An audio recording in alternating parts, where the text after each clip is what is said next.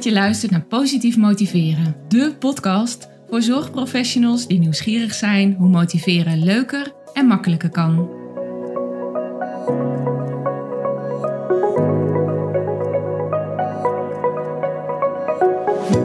Mijn naam is Marielle Tromp en in deze podcast wil ik jou inspireren met verhalen, inzichten en tips die jij kunt gebruiken om meer resultaat, plezier en voldoening uit je werk te halen. Praten over visuele communicatie. Kan dat wel? Ik denk dat het is gelukt. In de aflevering van vandaag ga ik in gesprek met Jos van den Broek. Ik werd op zijn boek Praktijkgids Infographics ontwerpen gewezen door iemand die vond dat dit echt wat voor mij was. Maar al voor ik het had gelezen, dacht ik: wat zou het interessant zijn om gewoon in gesprek te gaan en te horen wat hij met al zijn ervaring zorgprofessionals zou willen meegeven als het om communicatie en dan natuurlijk vooral visuele communicatie gaat.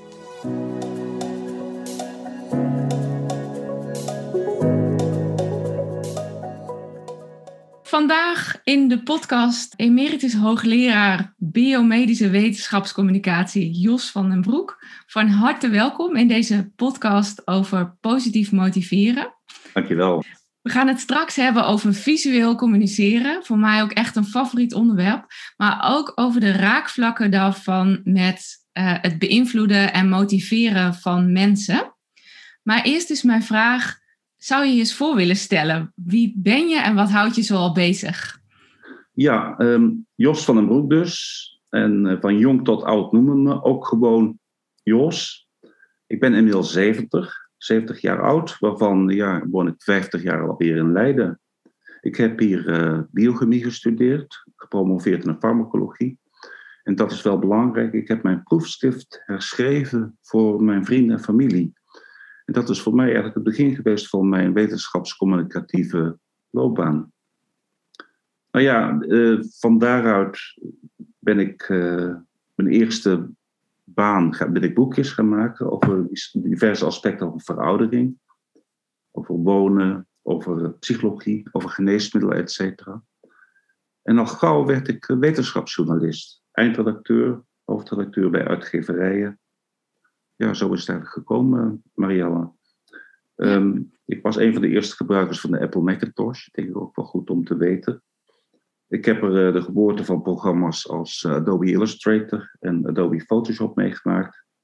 En aldoende heb ik ook uh, mezelf vormgeving en het maken van infographics eigen gemaakt. En zo kom je van het een op het andere. En de laatste tien jaar van mijn loopbaan was ik inderdaad hoogleraar wetenschapscommunicatie aan de Universiteit Leiden. Het leukste vind ik eigenlijk dat ik daar uh, gemotiveerde jonge mensen heb opgeleid. Ook veel mensen uit de medische hoek, biomedische hoek.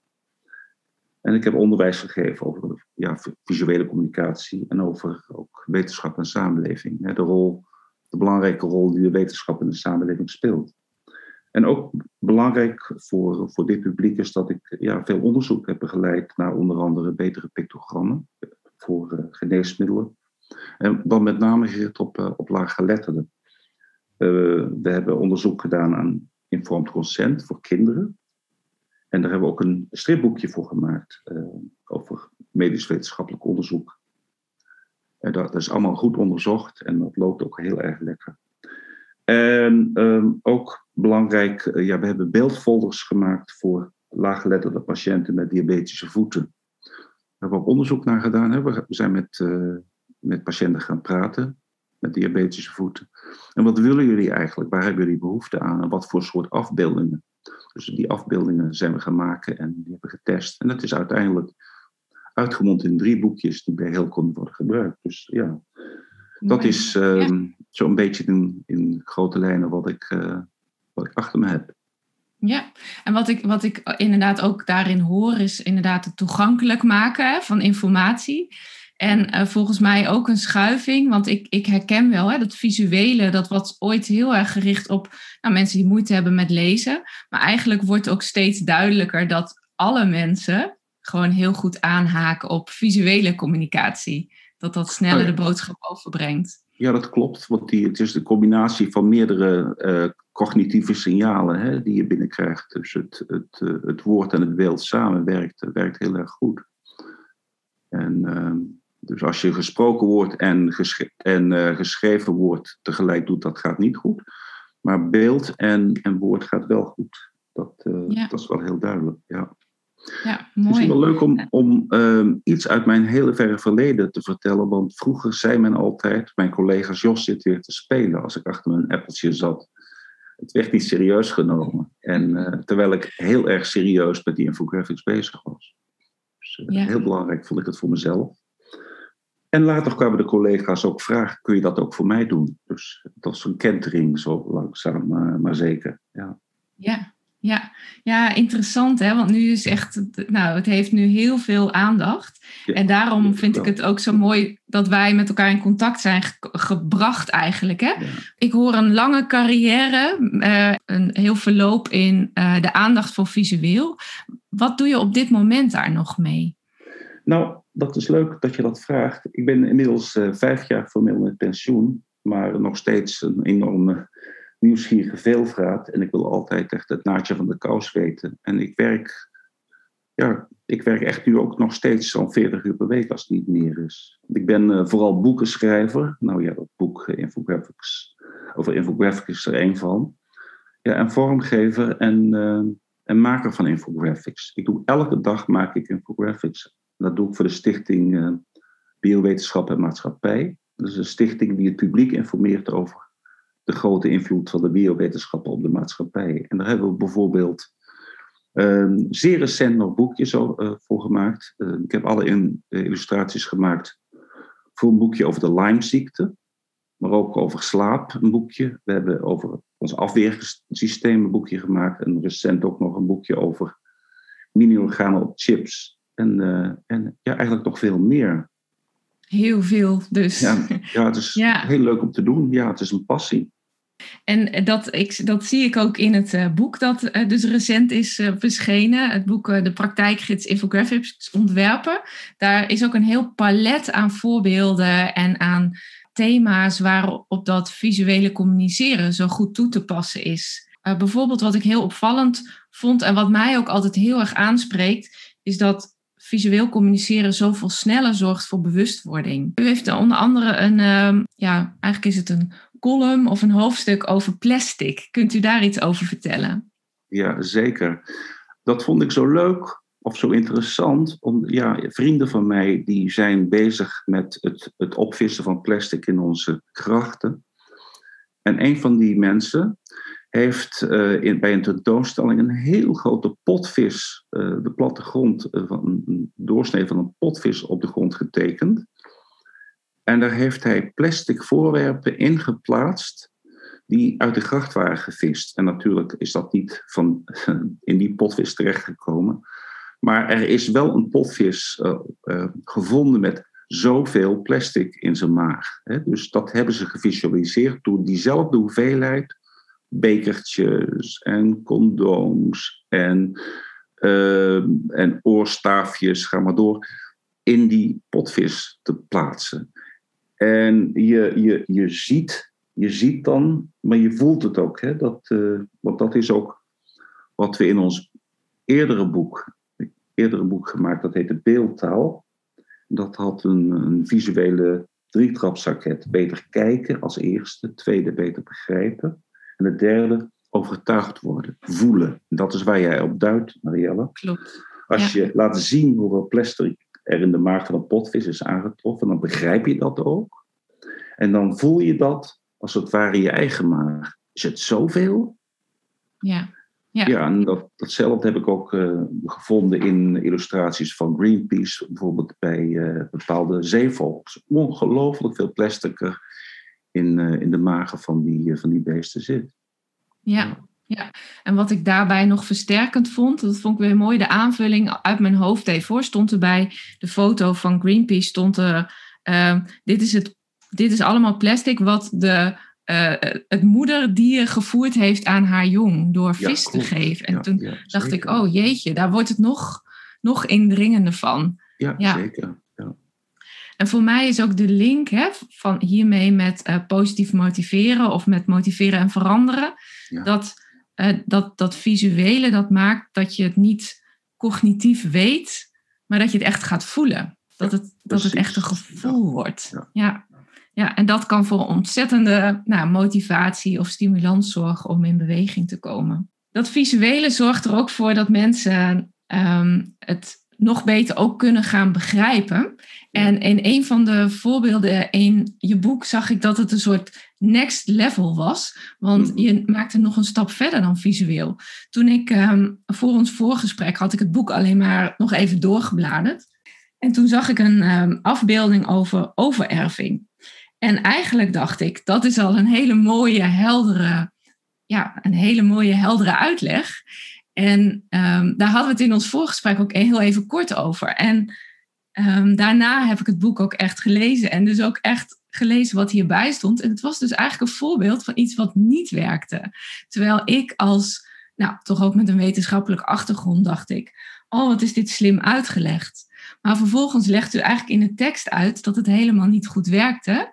En bedacht u een totaal next level oplossing. Kunt u daar iets over vertellen? Ja, dat, ja. nou dat probleem is, uh, nou die, die infographic waar je op duidt, die afbeelding, dat is eigenlijk zo'n netwerk van, van een vader en een moeder die kindjes maken. En dan met allerlei pijltjes wordt, er gewezen naar, naar die kindjes.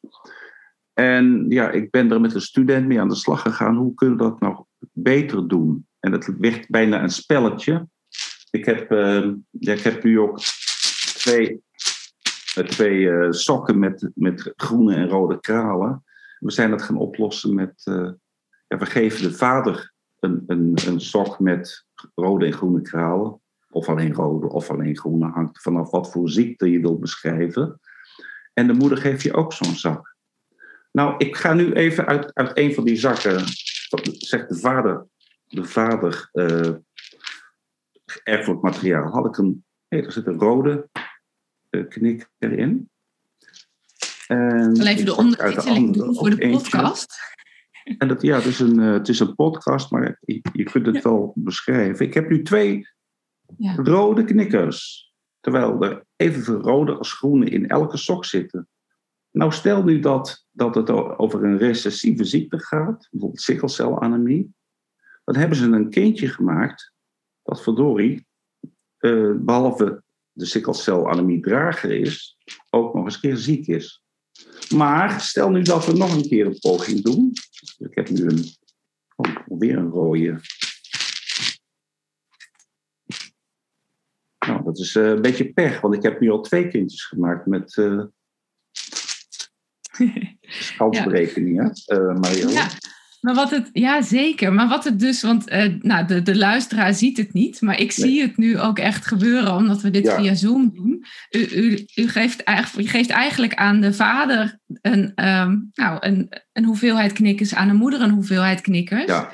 En zij gaan dus zelf zien ja, wat de kans is um, ja, dat ze een kind met of zonder dat. dat uh, zonder die ziekte hebben. Nou ja, en. Ja het leuke is, ik heb nu een derde poging gedaan. Ja.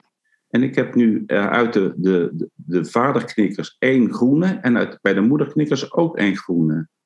En wat je dan daarmee al meteen ziet, hé, hey, je hoeft dus als zieke of drager vader en drager moeder, hoef je geen zieke kindjes te maken. En daar gaat het uiteindelijk om. Hè? Dus je kunt zien, als je dat gewoon een aantal keren doet, dan zie je een aantal knikkers op je, op je, op je tafel verschijnen.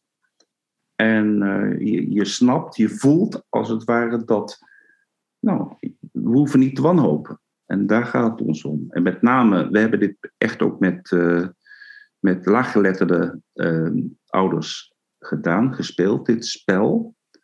Ik heb hetzelfde ook gedaan in voorlichtingsbijeenkomsten voor, voor patiënten met ernstige erfelijke aandoeningen.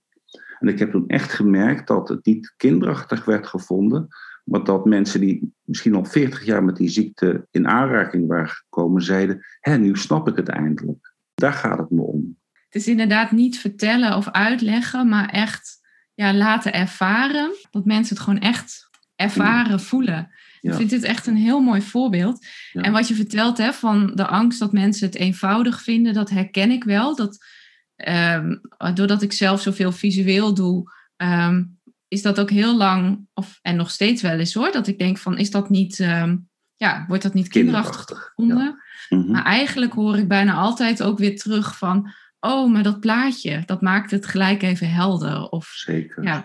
Nee, dat klopt. En uh, ja. voor mij is dat ook een leerpunt, uh, een, een, belangrijk leerpunt geweest, dat het niet gauw kinderachtig is.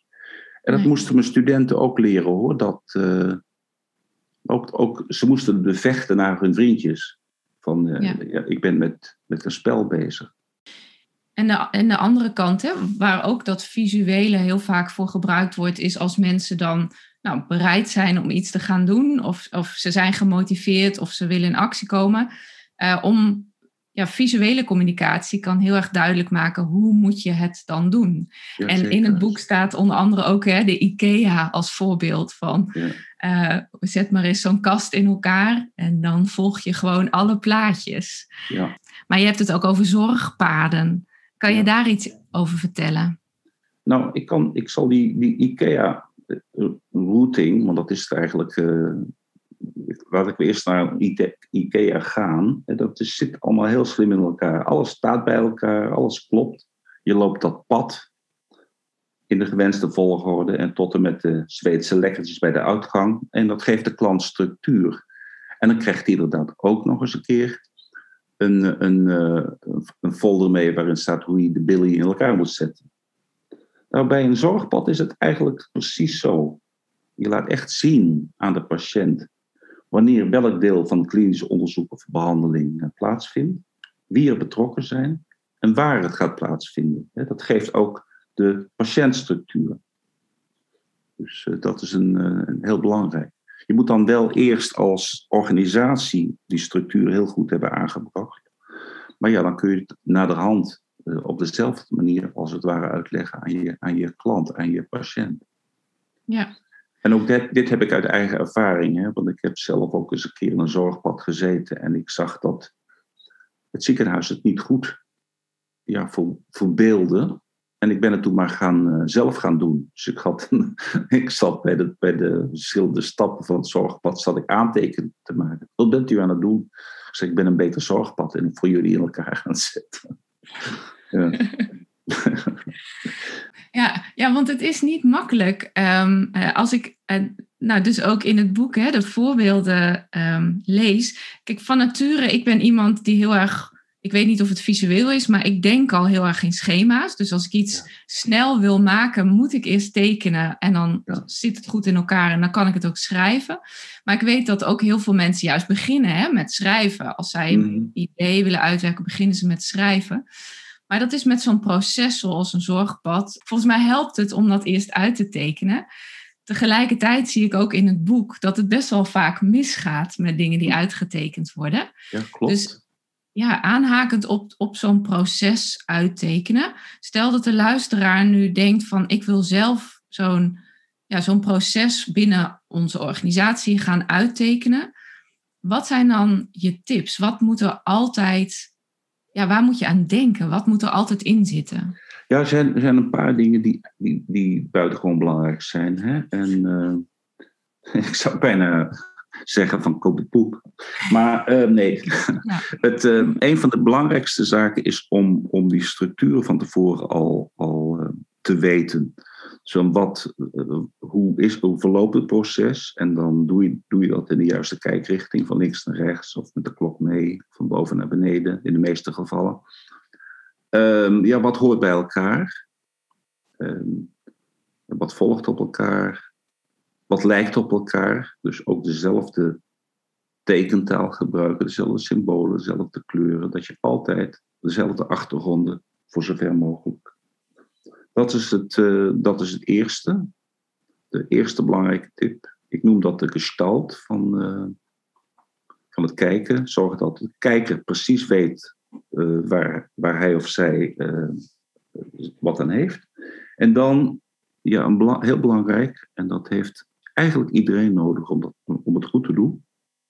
elke onderzoeker, elke journalist. En dat is ja, de W- en H-vragen. De wie, wat, waar, wanneer, waarmee, waarom. Dat zijn de W-vragen. En de hoe, hoeveel, maar ook hoezo. De, de, de kritische hoezo-vraag. Dat zijn de H-vragen. En ik maak daar zelf altijd een schema van. Of een uh, mindmap. En het is uh, enorm behulpzaam. Ook als je een verhaal gaat schrijven. Ja, ik geef soms ook lessen aan kinderen over schrijven. En, nou, zeg eerst maar eens deze vraag op een rijtje. En nou, beantwoord die. En uh, een, een, andere tip, ja, daar heb ik zelf heel veel aan gehad. Dat is het boekje Geef me de Vijf van uh, Colette de Bruin. Over omgaan met uh, mensen in het autistisch spectrum. Toen, ehm, toen ik dat had, had gezien, toen had ik echt nog beter voor mijn oog, voor ogen. Ja, mensen met autisme hebben heel veel visuele structuur nodig. En daar kun je als, uh, als infographics maken ook heel veel van leren. Ja, van ja. Hoe, hoe, doen, hoe doen ze dat nou in, uh, in het omgaan met autisme? Ja, dan probeer je er een visueel verhaal van te maken. Dat werkt voor autisten, maar dat werkt eigenlijk voor iedereen. Ja, Mooi en ook weer heel erg herkenbaar, want uh, ik ben denk ik een jaar of vijf geleden me heel bewust geworden van visuele communicatie. Voor mezelf deed ik dat al heel erg. Ik, ik teken en ik zet pijltjes en kleurtjes. Uh, maar in mijn communicatie gebruikte ik het nog niet zoveel. En toen was ik op een congres voor de um, verstandelijk gehandicaptenzorg.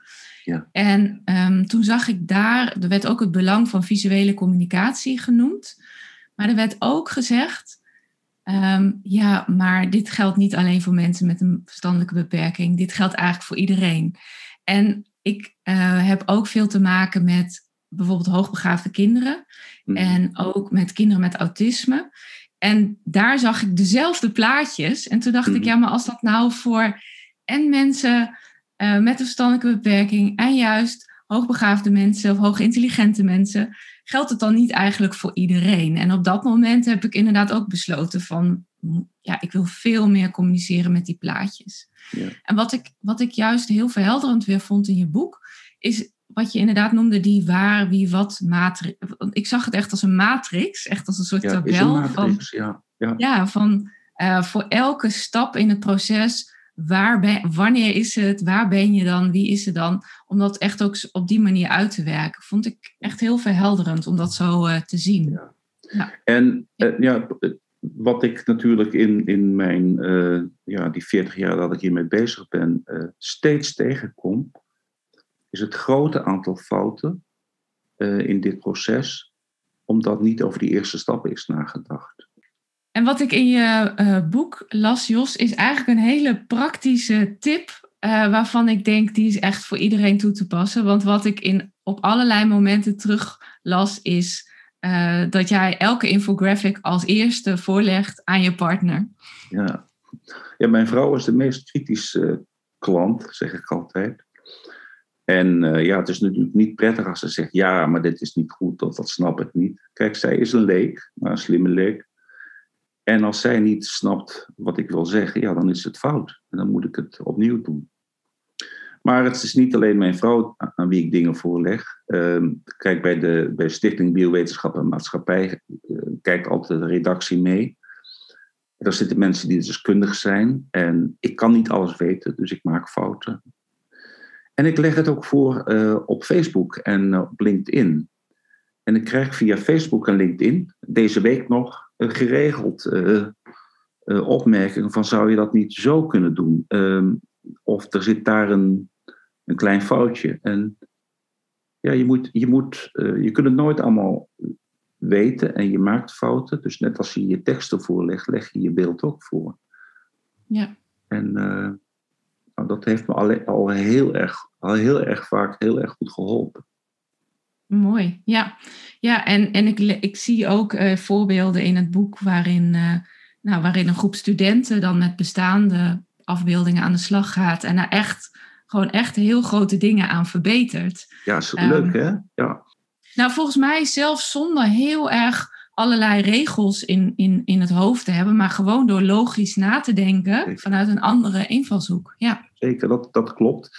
Ik geef ze natuurlijk altijd wel eerst een aantal regels, maar met behulp van die regels is het al heel snel mogelijk om, om die grootste fouten eruit te halen. Ja. En met zo'n we hebben met een visueel kieskompas hebben we dat gedaan. Hè? Het visuele kieskompas was niet in orde, vond ik. En ehm, ik heb dat met een aantal studenten uh, doorgewerkt en we hebben samen hebben we adviezen kunnen geven. En daar, zijn, daar is men ook mee aan de, aan de slag gegaan. Dus het werkt ook echt. En belangrijk omdat het ook weer voor laaggeletterde kiezers was. Ja. Dus, uh, ja. ja. Leuk. Heel mooi, ja. Nou, volgens mij, kijk, dat, je boek is zoveel meer dan we nu besproken hebben. Ik zie ook, hè, als het om um, mijn uh, vakgebied gaat, heel erg linkjes met heel veel andere boeken over motiveren en beïnvloeden. Bijvoorbeeld uh, Smart Size Me van Ingrid Steenhuis, die mm-hmm. ook um, dingen als, nou, hoe groot is het bord waar je van eet? Dus, en hoe, hoe ziet het glas waar je uit drinkt eruit? Hè? Dat, dat visuele stuk. Maar ook bijvoorbeeld de boeken van uh, Chip en Dan Heath. Die hebben van die populaire wetenschappelijke boeken over verandering. Mm-hmm. Um, daar moest ik ook steeds aan denken.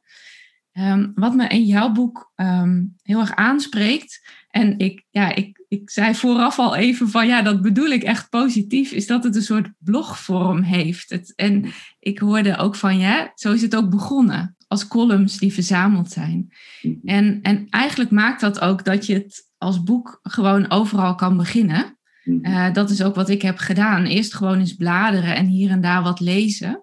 En uiteindelijk raakte ik door een aantal dingen echt wel nou, gefascineerd en ben ik het alsnog helemaal gaan lezen. Ik denk dat dat is wat voor heel veel mensen kan werken in dit boek. De thema's eruit halen die ja, voor die persoon aanspreken of uh, ja, waar ze wat aan hebben.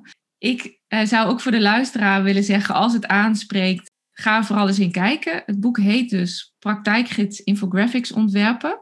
Het is onder andere te koop bij uh, Amsterdam University Press. Daar zal ik ook het linkje van opnemen in de aantekeningen bij de podcast. En natuurlijk uh, is dat ook overal te koop in de eigen lokale boekhandel.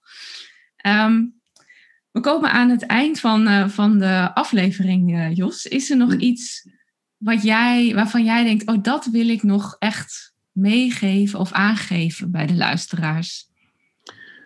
Um, ja, dat ik het met enorm veel passie uh, heb gemaakt en dat het, ja, misschien is dat ook nog wel goed, dat ik de ondertitel nog eventjes uh, geef. En dat is uh, Infographics voor beginners.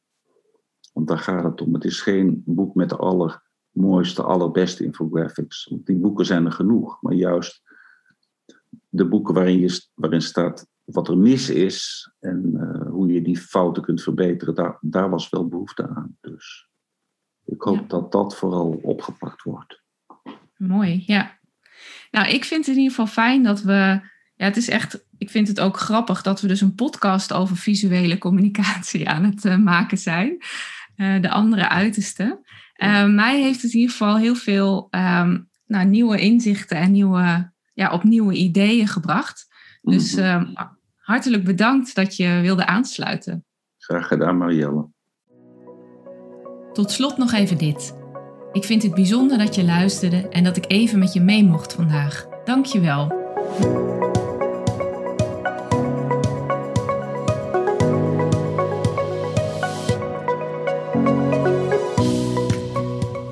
Wil je vanzelf op de hoogte blijven van nieuwe afleveringen?